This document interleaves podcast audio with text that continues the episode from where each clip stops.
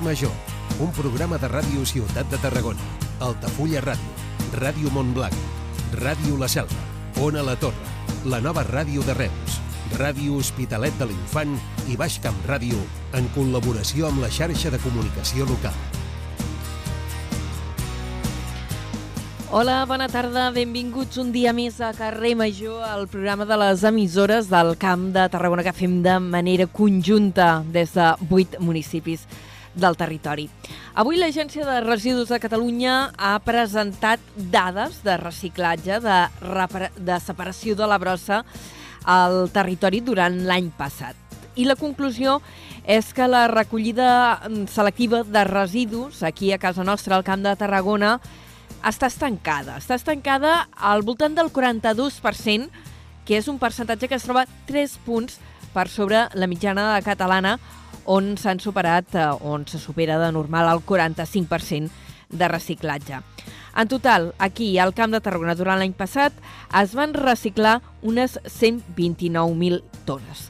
Són xifres que, com deia, ha presentat avui, des d'aquí, des de Tarragona, el director de l'Agència de Residus de Catalunya, l'Isaac Paraire, eh, que ha dit que la situació aquí al territori, tot i aquests tres punts de diferència, és bastant equiparable al que passa al conjunt de Catalunya, on aquesta tendència a reciclar podem dir que s'ha estancat. Malgrat tot, la Conca de Barberà s'ha mantingut per segon any consecutiu com la comarca catalana amb unes millors dades. Allí, a la Conca, es reciclen fins al 77% dels residus. Al territori hi ha dues comarques més on es recicla eh, per sobre de la mitjana. Una altra comarca, volem dir.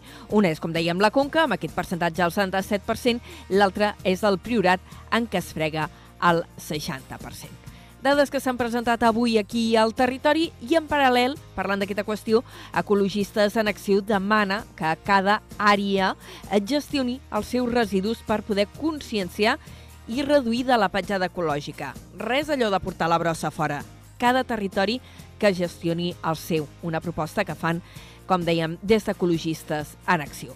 A nivell polític, la notícia de la jornada és que el Partit dels Socialistes eh, preveu un acord en breu i registrar eh, un, uh, un l'escrit eh, per poder formular l'amnistia amb una llei conjunta amb els socis. Armengol Eh, la presidenta del Congrés ha dit que convocarà el ple d'investidura de Sánchez en els pròxims dies. Aquesta és la notícia política, però la fotografia de la jornada és eh, per la princesa d'Astúries, Elionor, que avui ha jurat la Constitució el mateix dia que feia 18 anys. Són les notícies d'avui, d'aquest 31 eh, d'octubre, acabem ja el mes d'octubre de 2023, a les portes de Tots Sants, demà farem festa, però avui fem carrer major. Som vuit emissores del Camp de Tarragona i aquest programa el fem possible gent que treballem en aquestes vuit emissores. Liri Rodríguez, l'Aleix Pérez, en David Fernández, la Gemma Bufies, en Miquel Llevaria, l'Adrià Requesens, en Jonai González, l'Arnau Curto, en Pau Carbalan, l'Antoni Mellado, Antoni Mateos, jo mateixa, que sóc l'Anna Plaça, que us parlo des d'Ona la Torre durant aquesta primera hora del programa, i el Iago Moreno, que el tenim al control tècnic. Comencem.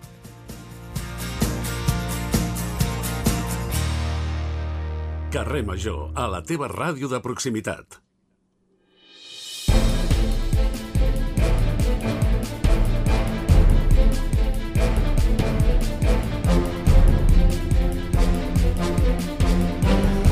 Deixeu-me agafar el mòbil, que no sé ni quina hora és. 4 i 7 minuts, eh, moment ara de repassar en forma de titulars les notícies més destacades del dia al Camp de Tarragona. Avui no ens acompanya el Jonai González, avui tenim l'Arnau Curto des de Ràdio Ciutat. Arnau, bona tarda. Molt bona tarda, Anna, com estàs? Bé, escolta, repassem notícies. Comencem dient que el Camp de Tarragona s'estanca en el 42% de la recollida selectiva, 3 punts per sota de la mitjana catalana. Doncs sí, però la Conca de Barberà es manté per segon any consecutiu com la comarca catalana amb l'índex més alt, amb un 77,24%. El Ministeri de Transports no té previst instal·lar més pantalles acústiques a l'A27 per mitigar, mitigar els sorolls que ara pateixen els veïns de l'illa. I justament els habitants d'aquesta pedania, que ara pateixen el soroll del trànsit, creuen que se n'haurien de posar més, especialment en un petit tram d'uns 20 metres que queda descobert. Més qüestions. El Ministeri d'Indústria, Comerç i Turisme ha aprovat de manera definitiva vuit projectes més de la convocatòria d'ajuts del PERTE del vehicle elèctric. Entre els projectes aprovats hi ha el de BASF a Tarragona per una nova planta de refinat de metalls base a la Canonja. El jutjat social 3 de Tarragona ha certificat l'origen laboral del càncer d'un extreballador de Rapsol diagnosticat amb el linfoma de Hodgkin. El magistrat ha desestimat el recurs interposat per la mútua Fraternitat contra la resolució de l'Institut Nacional de Seguretat Social, l'INS, que declarava la incapacitat permanent d'un grau d'absoluta d'aquest exempleat. Prop d'un miler de persones es van concentrar ahir al vespre a Reus contra la pujada d'impostos aprovada pel govern municipal. I a Montblanc el ple ha aprovat la modificació de les ordenances fiscals de l'any vinent en la, una sessió tensa. L'IBI es manté congelat i la bolsa puja un 5%.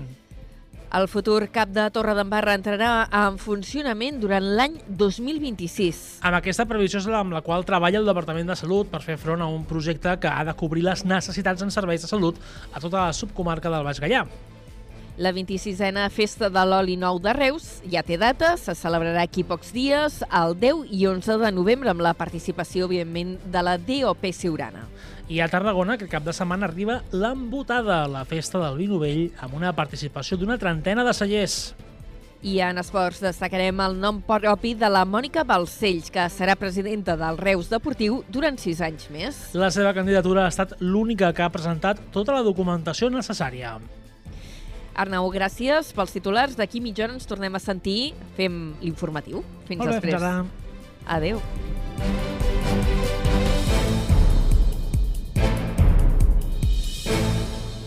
Carrer Major. Toni Mateos.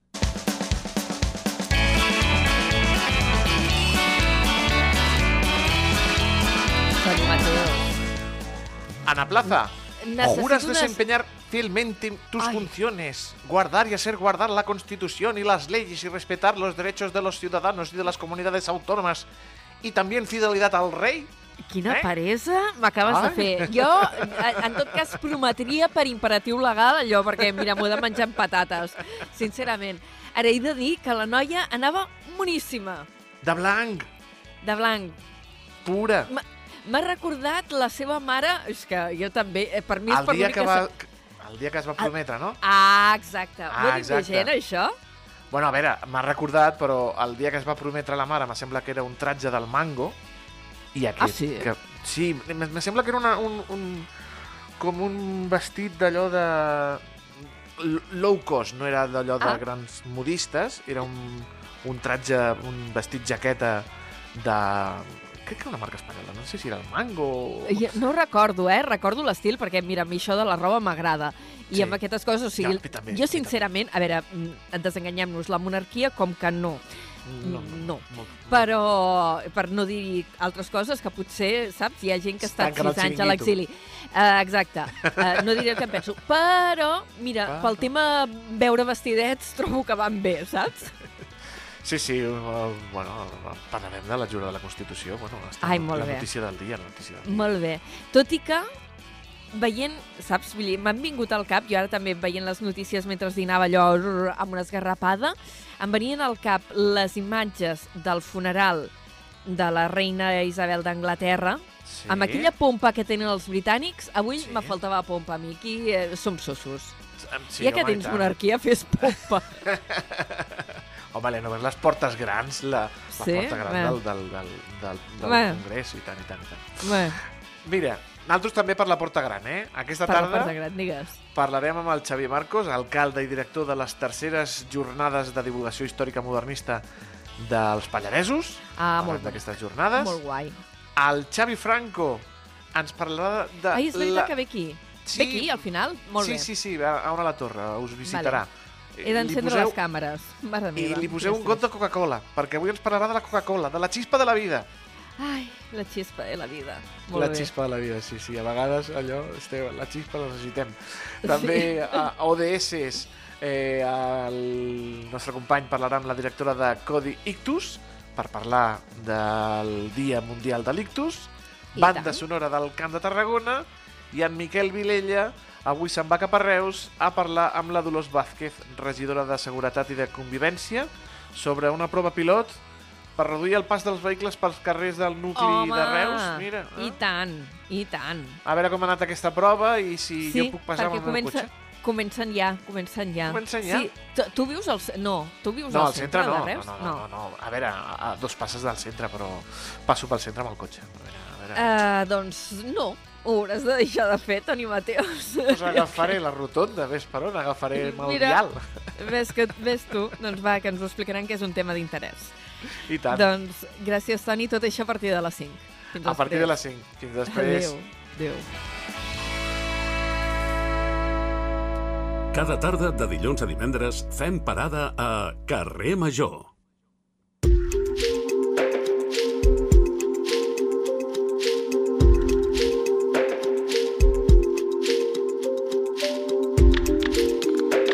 Estem a les portes del mes de novembre, un mes en què s'acostuma a celebrar una de les jornades solidàries per antonomàsia en aquest país, que és el Gran Recapte. L'edició d'enguany ja s'ha presentat, es va presentar fa poquets dies a Barcelona i avui teníem ganes de que ens expliquessin des d'aquí, des del territori, com s'està eh, desenvolupant o com s'està preparant eh, aquesta gran jornada solidària eh, que enguany eh, celebrarà el cap de setmana del 24 al 25 de novembre. Per això ens hem posat en contacte amb el Banc d'Aliments, ens han explicat que el nou cap de campanya del Gran Recapte aquí al Camp de Tarragona és en Javier Viejo Vicente i avui ens acompanya per telèfon. Uh, senyor, Vicent, senyor Viejo Vicente, bona tarda, benvingut al programa. Bona tarda. Uh, en aquesta presentació que, com dèiem, del Gran Recapte es va fer fa pocs dies a Barcelona, deien que al conjunt del país farien falta uns 18.000 voluntaris, uns 2.000 més que l'any passat. Aquí al territori també necessiteu més voluntaris de l'any passat? Sí, eh, francament, eh, fa falta més voluntaris. No tenim prou amb els que normalment s'hi estan apuntant, per tant, eh, fem una crida a que la gent s'apunti al nostre web. Uh, perquè, per- primer, uh, per què us considereu que us fan falta més, més voluntaris? Us fan falta mans? Us fan falta mans als supermercats després per organitzar tota aquesta càrrega que porteu al vostre magatzem? Sí, són voluntaris, diríem, de, de diverses eh, circumstàncies. Uns estan als eh, supermercats allà rebent el producte com a tal, perquè hi haurà supermercats que agafaran només el producte, altres acompanyaran els que vulguin només donar diners, que estem ara estudiant la fórmula, si serà en metàl·lic, en bitllets o en uns tiquets que indicaran diverses xifres variables de quantitat a portar, i després hi ha els voluntaris que es dedicaran a classificar els, els eh, aliments rebuts en una nau que tenim allà al polígon sortint de Reus, que diem el Hubus. De totes formes, sempre fan falta més voluntaris dels que tenim. Heu fet el càlcul, dèiem que en aquesta presentació que es feia a Barcelona, a nivell de Catalunya de- del Gran Recapte, es deia que al nivell de Catalunya feien falta aquestes 18.000 persones per anar bé. Aquí al Camp de Tarragona heu fet el càlcul de, de quanta gent us, eh, us faria falta per poder cobrir totes les necessitats que teniu en aquestes dues jornades? Eh, sincerament, no tenim el càlcul exacte. El que sí que sabem és que amb el que vam tenir l'any passat no va ser suficient. Aquest any, entre que hi haurà uns voluntaris que rebran el producte i altres que eh, donaran el tiquet per aportació econòmica, necessitarem més. De manera que ara, en pocs dies, obrirem la pàgina web, www.bancalimentstarragona perquè la gent s'apunti com a voluntari, s'hi pugui inscriure amb una contrasenya molt fàcil de, de fer i aleshores poden triar el, el, el supermercat on volen estar de voluntaris i els horaris. Els horaris són, poden ser tres, entre el eh, divendres 24 i dissabte 25, entre les 9 i la 1, la 1 i les 5 i les 5 i les 9, i eh, aquests serien els dos dies eh, forts, diguéssim, del, del recapte amb voluntaris. Després venen la setmana següent la classificació de productes amb una cinta transportadora que van fent el triatge, eh, un producte cap aquí, l'altre cap allà, també fan falta en aquell cas. Uh, quants punts de recollida hi haurà aquí al territori? En aquests moments exactament els punts estaran eh, penjats en la pàgina web. Hi ha diversos tipus de supermercats. Hi ha uns que només agafaran producte, tipus Aldi, altres només diners, com Mercadona, Dia, Lidl, Consum, Corte Inglés, Macro, tot això es concretarà en qüestió de dos o tres dies en la pàgina web i el voluntari podrà inscriure's en aquell que més li interessi. És a dir, que hi ha tres tipus de eh, punts de recollida. Uns que són només de producte, uns altres que són només de diners i uns altres que són de tipus mixta, les, les dues fórmules. Mm. És molt important, molt important és el rol del voluntari. El voluntari ha d'acollir el client eh, presentar-li la bossa dels aliments allà al costat del que anomenen la banyera, que és una capsa molt grossa de cartró on es depositen els productes, i a partir d'aquí explicar el sentit del gran recaptar, la falta que fa d'aliments per tanta gent necessitada que hi ha. Nosaltres ara mateix estem atenent més de 37.000 persones en tota la demarcació. Aleshores, és molt important que el voluntari aporti un, diríem, un valor de simpatia, de, de sentit de comunicació al, al possible donant, eh, client donant. Em sembla recordar que l'any passat us vau queixar que hi havia algunes cadenes que s'havien despenjat d'aquesta campanya, eh, que havien desistit de participar-hi. Enguany hi ha hagut més receptivitat? Ara estem eh, gestionant el, el que és la, la participació concreta de cada cadena, o estem ultimant els detalls. Sí que és cert que hi ha algunes cadenes que són una mica reticents a un tipus d'aportació, o productes o diners, i estem intentant millorar la participació. En tot cas, eh, cal tenir en compte que el, per les cadenes això significa un canvi de logística, d'aportació d'aliments, quan són productes, i també és un canvi de, del seu sentit de, dels estocs. És a dir, que mirem que es, es combini els interessos del que és el banc d'aliments amb, que és, amb el que són les, eh, eh les necessitats organitzatives de cada cadena. A efectes pràctics, dèiem que la, la campanya del Gran Recapte d'enguany es farà el 24-25 de novembre, però a banda les aportacions econòmiques es podran fer durant més temps, eh, donar unes setmanes més de marge fins al 15 sí. de desembre. Sí, sí, ja des d'un dia abans, que tot això ho concretarem eh, mm, molt aviat, eh, pot ser des del mateix dia 20 es podran fer aportacions, també en la pàgina web nostra, i eh, els dos dies 24 i 25 són els dies més d'esforç de, eh, eh, important, però després hi haurà uns dies més, potser la setmana següent o l'altra, que també es poden fer aportacions econòmiques. Nosaltres sempre valorem, hem, hem valorat a partir de, de la pandèmia, que el públic eh, valora diferent en aportar el producte, el, allò tangible, el, el quilo d'arròs, el quilo de llegums, el tangible, ho valora diferent a, a l'aportació econòmica. Per una raó, quan va haver la pandèmia i no podíem rebre els, els aliments en forma de, física de producte, la, la gent, eh, quan va haver d'aportar només diners, eh, va baixar la recaptació. Potser és pel valor, diríem, eh, eh simbòlic, significant del producte tangible si mateix. En aquest cas, aquest any, com que hi haurà les diverses fórmules, cadascú que pugui triar el que, el que més vulgui. I a vosaltres què us resulta més còmode? Que la gent faci aquestes eh, aportacions de, de menjar directament, de productes bàsics, o tenir una reserva de diners per poder anar comprant en funció de les necessitats que detecteu al vostre magatzem? les dues coses. És a dir, el que, el que aporta la gent com a productes ja se sap quins són els prioritaris. Eh, són oli d'oliva, oli de girassol, arròs, llet, llegums seques o, o envasades, eh, diríem, eh, productes de llarga durada, eh, llaunes de tonyina, etc. Això sempre és molt ben rebut perquè, a més, té molta capacitat de conservació. Nosaltres sempre lluitem contra la caducitat dels productes eh, per evitar, entre altres coses, el malbaratament. Però també, quan ens aporten diners, el que fem és compensar amb compres tant del que és el gran recapte com de les donacions que tenim de diverses institucions, Generalitat, Brussel·les, Madrid, eh, compensem eh, eh, la compra, l'adquisició de productes que no ens arriben per a la donació.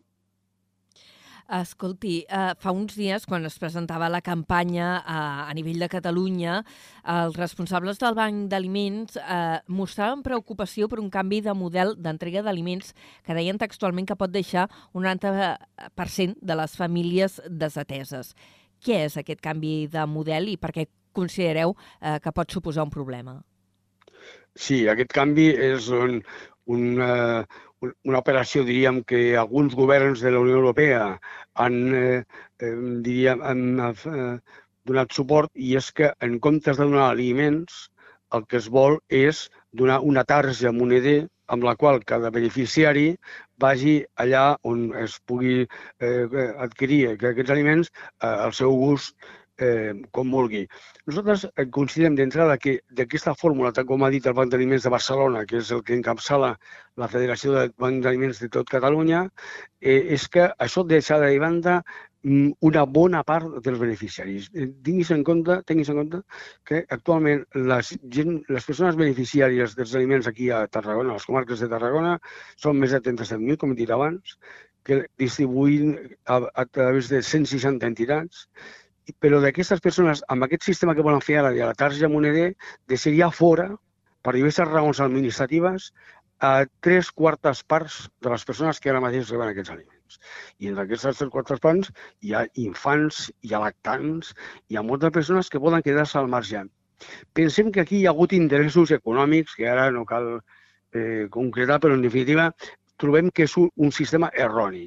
Entre altres coses perquè no, eh, no pot donar peu a que els aliments que pugui adquirir la persona que vagi amb una targeta moneda no siguin les més eh, correctes, les més adients a una alimentació saludable, que això té, també és molt important. Uh, això també té a veure amb aquests uh, productes que normalment uh, la Unió Europea donava uh, com a excedentaris i uh, els facilitava a les entitats uh, uh, humanitàries solidàries com, com pot ser el Banc dels Aliments. És, és perquè aquest procediment canviarà, que llavors s'aposta per aquest uh, model de, de targeta moneder? És probable que sí, que també vagi per aquí.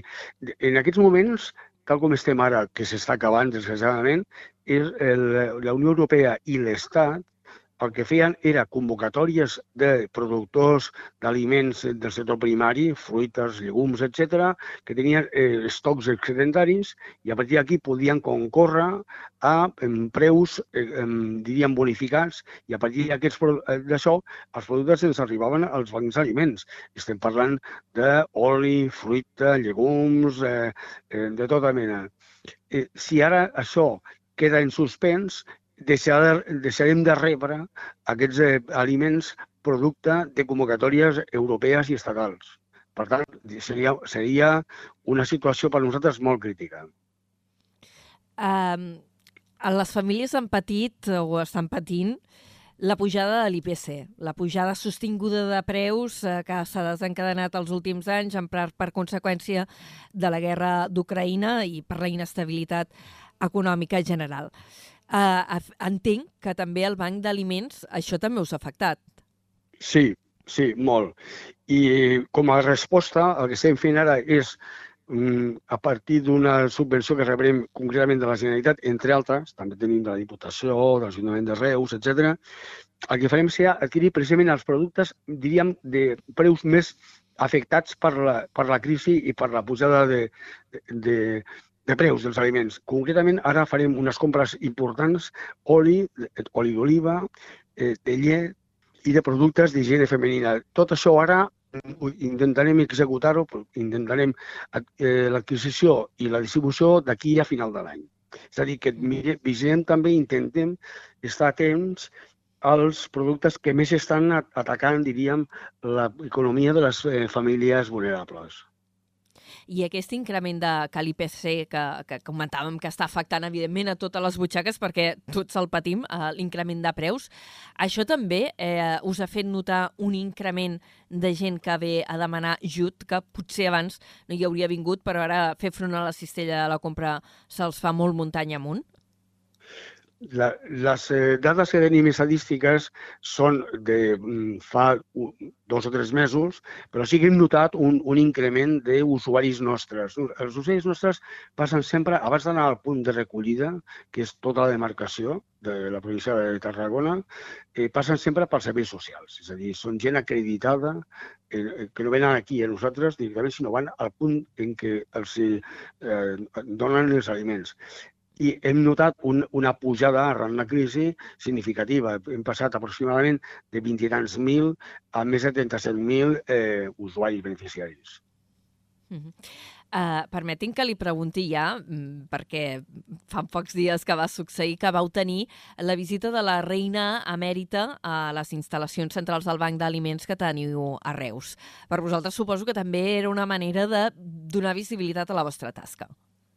Sí, sí, molt, molt.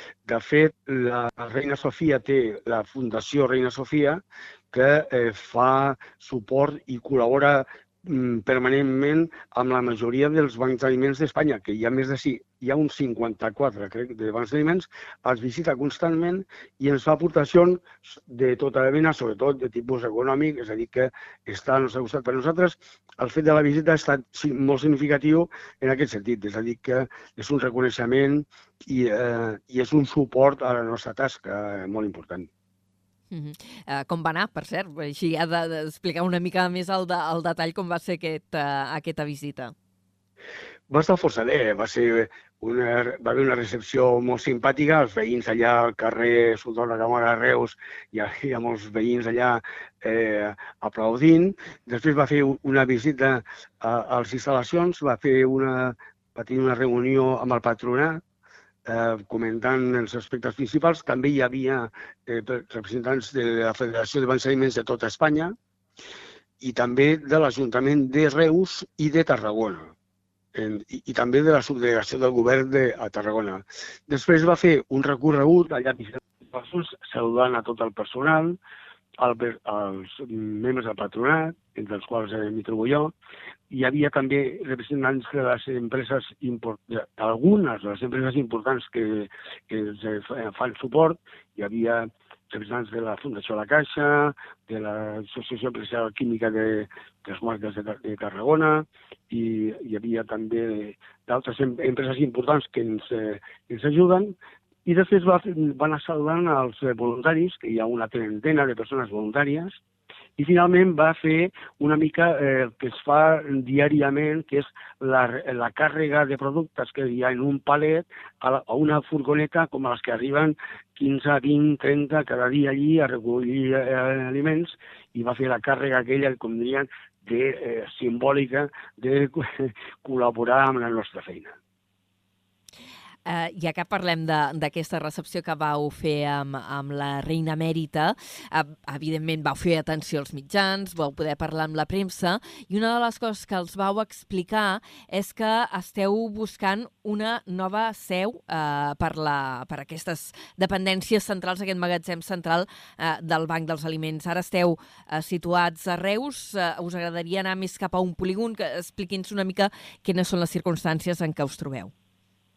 Sí, bàsicament és eh, bàsicament per dos, dos tipus de raons. La primera és perquè són instal·lacions molt, vella, molt velles, els va cedir una cooperativa agrícola, però aquests, eh, aquestes instal·lacions van acabar en mans de, de Caja Madrid i allò va acabar en Bànquia i en un fons voltor que ara ens vol desnonar. De fet, estem en procés de, de tribunals tenim una amenaça de desnonament, per tant tenim una espasa de Damocles que ens amenaça eh, i no estem fora eh, com qualsevol desnonat doncs perquè hem fet un recurs, és a dir, estem en una situació veritablement eh, compromesa. Però, per altra banda, ens feia falta trobar unes instal·lacions més correctes, més adients, amb un accés molt, molt més fàcil als grans trailers que ens arriben a, amb palets d'aliments i que puguin venir fàcilment les furgonetes a, a fer el repartiment. Per tant, estem buscant ara mateix locals nous i estem en gestions amb l'Ajuntament de Reus i amb el de Tarragona, buscant diversos locals. Hi ha algunes possibilitats, algunes alternatives, les estem estudiant, però la veritat és que estem en una situació una miqueta eh, compromesa. El Banc d'Aliments de, de les comarques de Tarragona, a diferència d'altres de Catalunya, necessitem un nou local molt més correcte, molt més adaptat al que ens fa falta. Sabeu quant de temps teniu de marge per, eh, per poder trobar una ubicació alternativa o, clar, com que està pendent de, de, de resolució d'aquest recurs judicial, es fa difícil de dir? No ho sabem. No ho sabem. He fet un recurs a la via judicial esperem que en aquest cas la via judicial sigui eh, prou lenta com perquè ens doni temps de resoldre el problema de, de la nova ubicació, clar. Heu tingut ja reunions, ara ens ho deia, no? Heu tingut reunions amb les administracions, ells us han ofert eh, solucions o diuen nosaltres actuarem de facilitadors i sou vosaltres com a banc d'aliments qui heu de trobar aquesta seu? Ho estem buscant nosaltres. Els ajuntaments, tant el de Reus com el de Tarragona, que ens estan ajudant, estan col·laborant, però, clar, la cosa, diríem que ens urgeix per trobar una nova ubicació. Aquí nosaltres, totes les col·laboracions, tot el suport que tinguem tant de l'Ajuntament de Reus com de Tarragona, benvingut serà, però eh, hem, de, hem de córrer, hem de córrer per resoldre el problema. Doncs hem, hem acabat trucant també un tema així cap dalt, que és aquesta necessitat de nova seu per eh, les dependències centrals al gran magatzem que té el Banc dels Aliments al Camp de Tarragona. Hem parlat d'això i sobretot del gran recapte que es farà el 24 i 25 de novembre. Ara s'estan començant ja amb els preparatius, amb aquesta necessitat de moltes mans per fer de voluntaris durant aquestes jornades, amb el cap d'aquesta campanya aquí al nostre territori, amb en Javier Viejo. Moltíssimes gràcies per haver-nos acompanyat a Carrer Major avui. Molt bé, gràcies a vosaltres. Gràcies. Estem en contacte. Fins després. Molt Adéu-siau. bé. Molt bé. Carrer Major, a la teva ràdio de proximitat. Carrer Major, al Camp de Tarragona, des de ben a prop.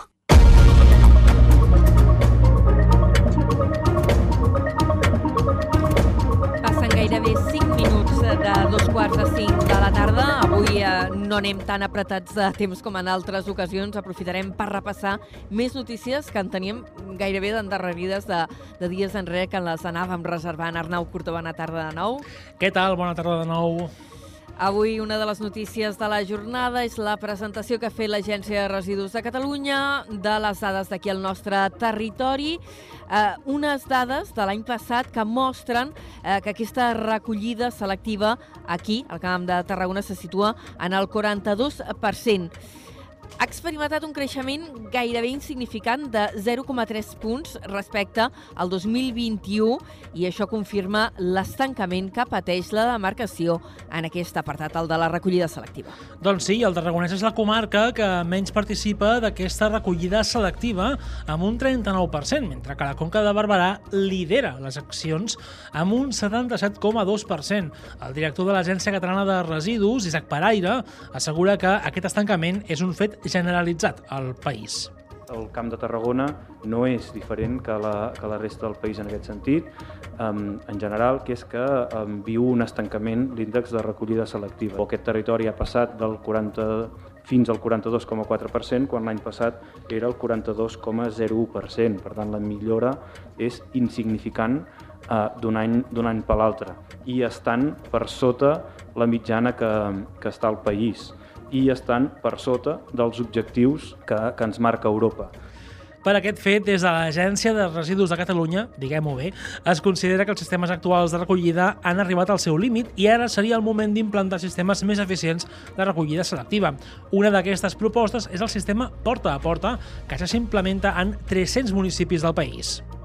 Per cert, que l'Agència Catalana de Residus es posa a disposició de l'Ajuntament de Tarragona per fer front a aquest estancament de les dades de recollida selectiva eh, que pateix el conjunt de la comarca del Tarragonès. Doncs sí, en concret el director de l'ENS, Isaac Paraire, explica que l'alta eficiència en la recollida de residus és possible independentment de la magnitud de la localitat, sigui més petita o més gran. En qualsevol cas, assegura que apliqui el model que apliqui Tarragona donaran suport al consistori tarragoní. L'agència està al costat dels ajuntaments que facin l'aposta per l'alta eficiència. Llavors tenim, donem suport tècnic, suport econòmic i suport polític en acompanyar els ajuntaments a fer aquest, aquesta transformació en la línia de l'alta eficiència. Si Tarragona decideix passar de contenidors tancats a porta a porta, trobarà en l'agència de residus un uh, aliat. Si fa un model mixt, perquè la realitat de Tarragona té diverses eh, realitats, no? també dins la pròpia realitat de la ciutat, també estarà el, estarem al costat de, de l'Ajuntament. Tal com hem explicat, el Tarragonès és la comarca que menys participa en aquesta recollida selectiva a la vegueria de Tarragona, amb un 39%. El Ministeri de Transports no té previst instal·lar més pantalles acústiques a l'autovia 27 per mitigar els sorolls a la pedania de l'illa. Des de l'Estat assegura que s'han col·locat totes les que ja hi havia projectades. Amb la posada en servei del tram de l'autovia entre Valls i Montblanc, els veïns de l'illa, acostumats al silenci, pateixen el soroll del trànsit. De fet, la 27 queda a només 400 metres al nucli d'aquest nucli de població. L'alcaldessa de l'illa, Glòria Rovira, ha detallat quins són els sectors de la pedania més afectats per aquest soroll. La zona del poble que està més afectada és la que està més a prop de l'autovia, lògicament, que és una zona gran, és una zona gran. O sigui, l'illa té un carrer principal i un altre carrer principal i carrers petits. Pues podríem dir que un dels carrers principals és el carrer que toca aquí i després dos o tres carrers petits també i clar, com més a prop estàs, més soroll lògicament. El darrer tram de la 27, que inclou el túnel del Coll de l'Illa, es va estrenar tot just fa una setmana, recordem. Tot i la inauguració, les obres encara no s'han acabat. De fet, durant aquesta setmana s'han vist operaris plantant arbres encara i arreglant vorals a la carretera i també arranjant camins propers al poble.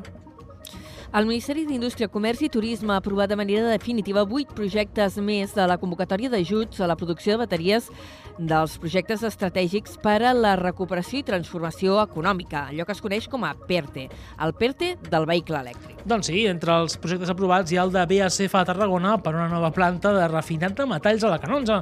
En un principi el projecte havia quedat fora, però finalment el govern espanyol ha estimat parcialment les al·legacions de la firma i proposa la resolució definitiva amb una inversió de 105,3 milions d'euros i una subvenció associada de 15,7 milions. Un altre dels 8 projectes acceptats l'encapçala l'automobilística SEAT per la planta de Martorell. En total s'han adjudicat de manera definitiva 338,2 milions d'euros de subvenció i 100 milions de préstecs. I eh, parlant d'indústria, ens hem de fer referència ara a una sentència judicial, a una sentència que ha dictat el jutjat social 3 de Tarragona que ha certificat l'origen laboral del càncer d'un extreballador de Rapsol que va ser diagnosticat amb el linfoma de Hodgkin. El magistrat ha desestimat el recurs que havia interposat la muta fraternidad contra la resolució que havia fet l'Institut Nacional de la Seguretat Social, l'INS, que declarava la incapacitat permanent en grau d'absoluta d'aquest exempleat. I també assenyalava que la malaltia va ser conseqüència de l'exposició a diferents compostos químics, especialment al benzè. La sentència considera acreditat que aquest químic es troba present a la planta química i que la seva exposició és susceptible de provocar, entre altres patologies, aquest tipus de càncer en cas d'inhalació. Aquest extreballador de Rapsol va ser diagnosticat amb un linfoma de Hodgkins el passat 2018. L'home era operador d'àrea, penalista, i va acabar esdevenint cap d'àrea entre el 2009 i el 2019 al complex petroquímic de Tarragona. Uh, I acabarem aquest primer bloc de l'informatiu amb una notícia de fet divers. Els Mossos d'Esquadra han detingut nou homes entre Valls, Reus i Lleida en un dispositiu antidrogues. Els agents els atribueixen els delictes de pertinença a grup criminal i tràfic de drogues.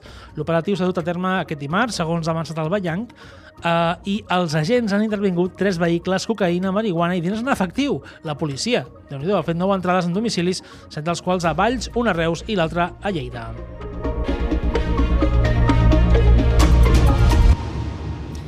4 i 41 minuts, entrem en crònica estrictament municipal i comencem fent-nos ressò de la mobilització en què van participar i al vespre un miler de persones a Reus per protestar contra la pujada d'impostos aprovada ja per ple a l'Ajuntament.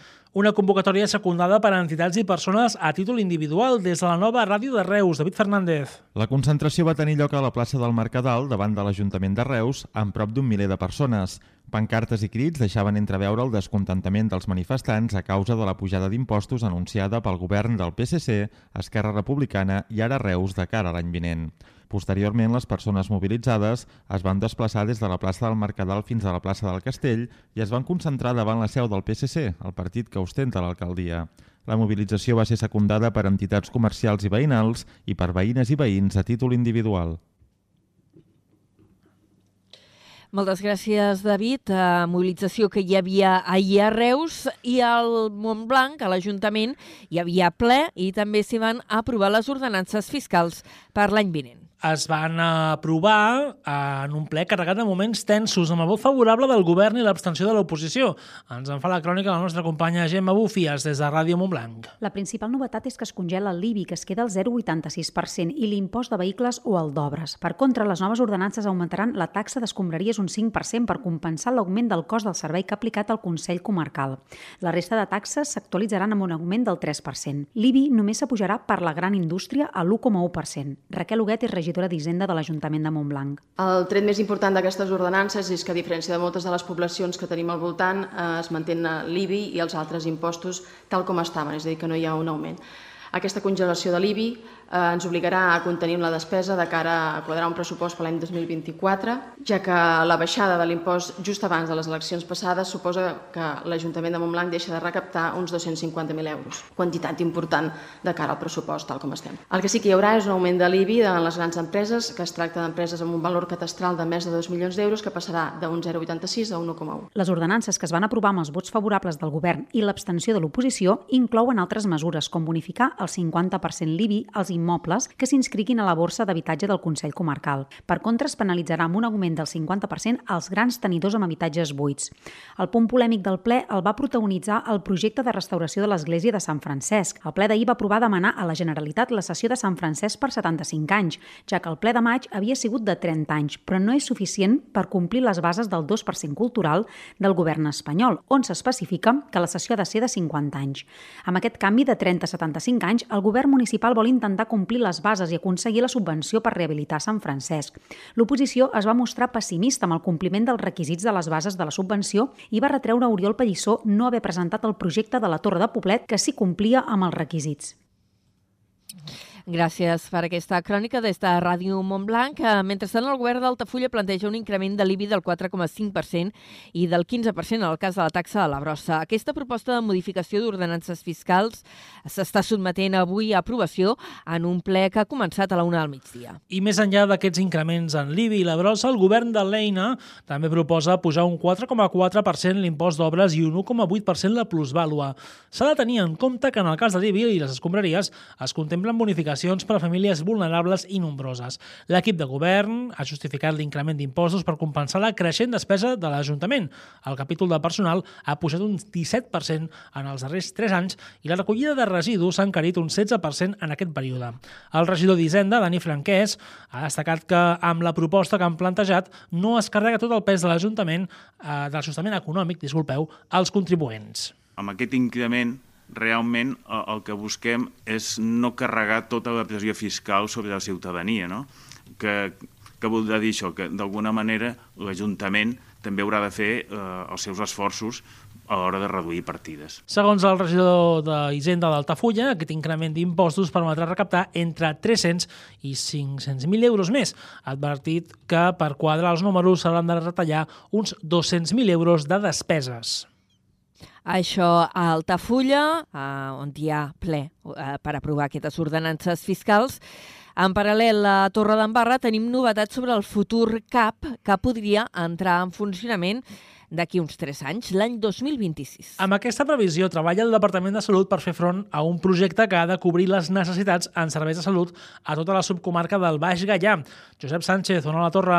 En una entrevista a Carrer Major, la gerent de la regió sanitària del Camp de Tarragona, Imma Grau, ha assenyalat que des del departament treballen amb un calendari per tenir enllestit el nou equipament durant l'any 2026, de manera que el projecte i les obres s'hauran de desenvolupar entre l'any vinent i, sobretot, el 2025. Uh, la idea és tenir-lo acabat el 2026, no? i llavors durant el 2025 tot elaborar tot el que és el projecte i l'obra i poder-ho acabar el 2026. Grau també s'ha referit a l'aprovació inicial per part de l'Ajuntament de Torredembarra durant el ple ordinari d'aquest mes d'octubre del projecte d'urbanització de l'entorn del futur CAP a la zona de la carretera de la Riera.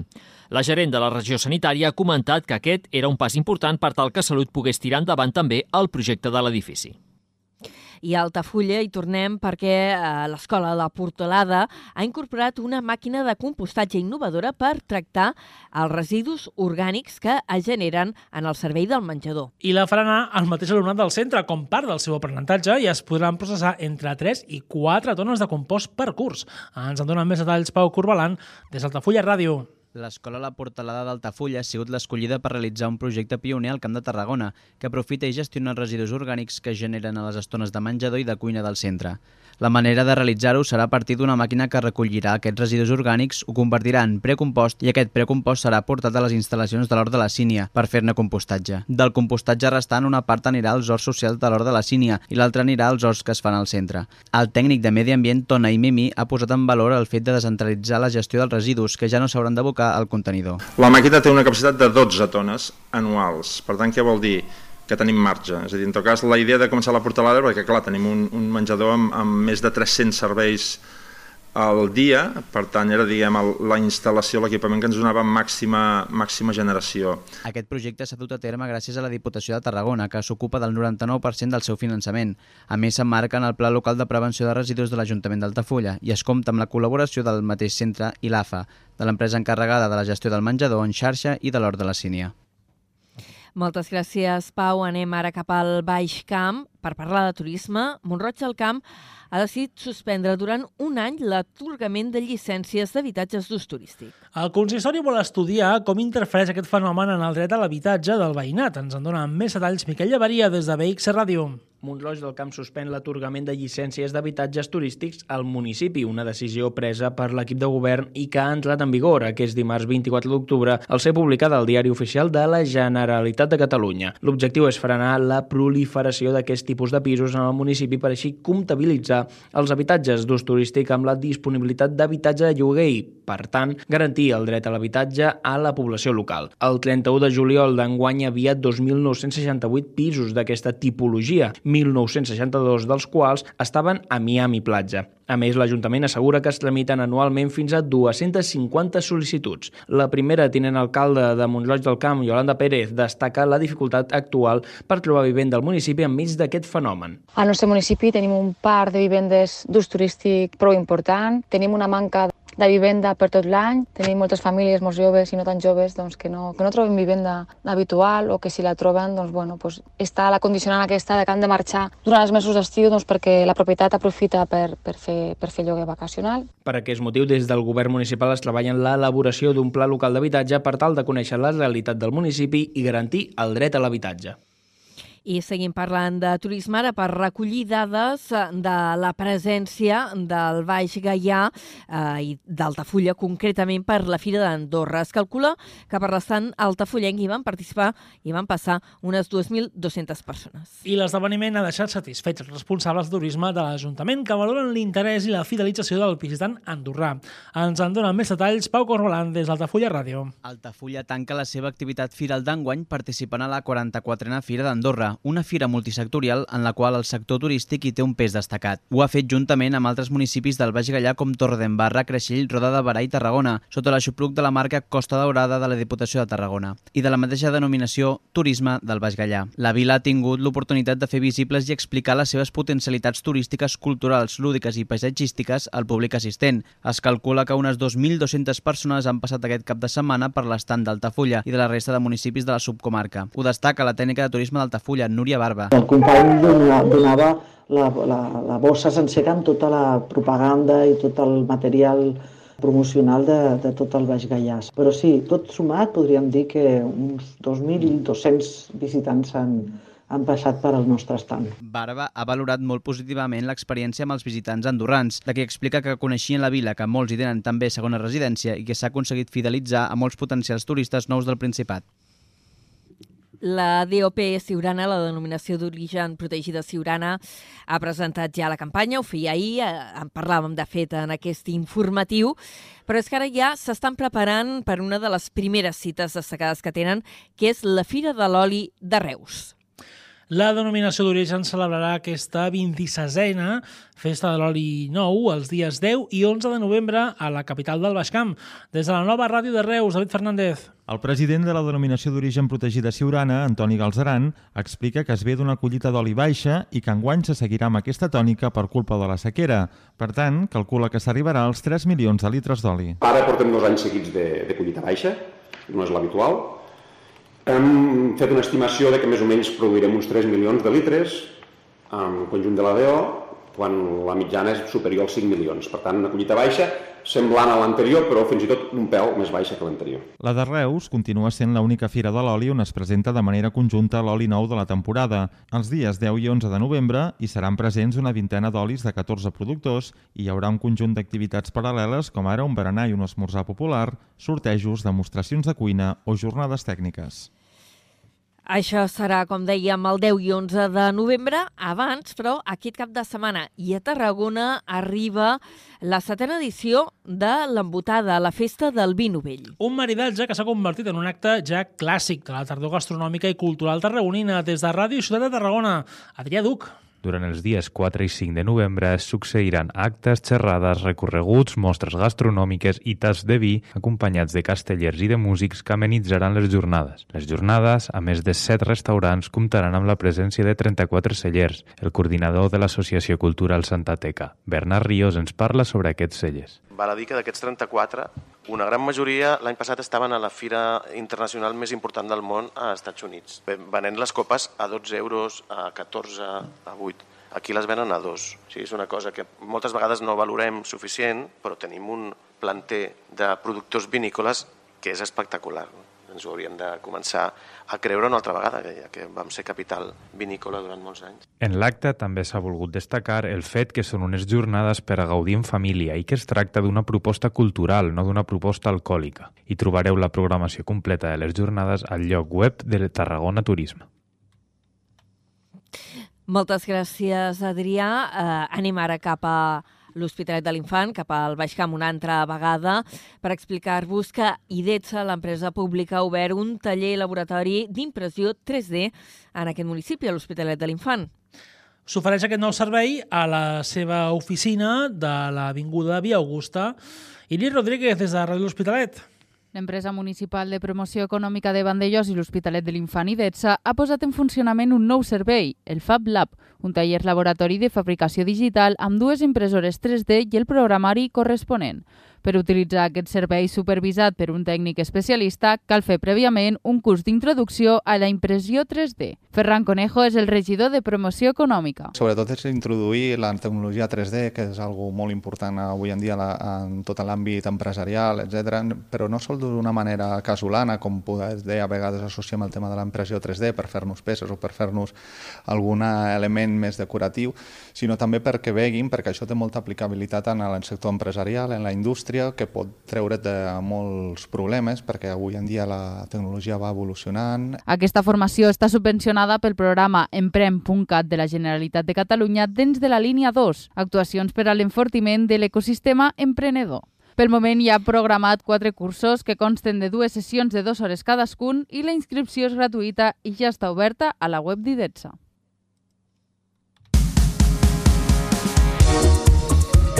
Anem als esports, avui destacant un nom propi, el de Mònica Balcells, que serà presidenta del Reus Deportiu durant sis anys més. La seva candidatura ha estat la única que ha presentat tota la documentació necessària des de la nova ràdio de Reus. David Fernández. Fins al 2029, Mònica Balcells seguirà ocupant la presidència del Reus Deportiu després de ser l'única candidata que ha presentat els avals necessaris. Balcells, que encara el seu tercer mandat des de 2011, assegura que es tracta d'una junta continuista, ja que només hi ha hagut dues renúncies. Explica també que el seu objectiu és reduir considerablement el deute al final d'aquests sis anys. I espero que amb aquesta última legislatura, i si pot ser abans de que, dels sis anys, deixem el club econòmicament eh, bé i perquè el club pugui durar 100 anys més.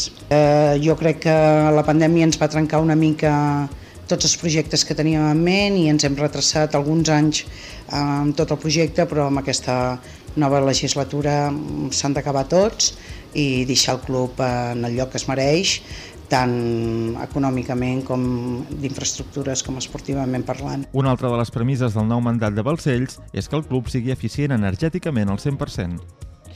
Moltes gràcies i per cert farem la prèvia del primer partit eh, de la Copa del Rei eh, que farà front al Nàstic. Serà demà davant de l'Orihuela a partir de les 6 de la tarda. Um, un partit en què esperen poder trencar la mala tònica que han tingut en les darreres jornades de Lliga. Dit això, tanquem aquesta primera hora i tornem demà, no? Dijous. Adeu.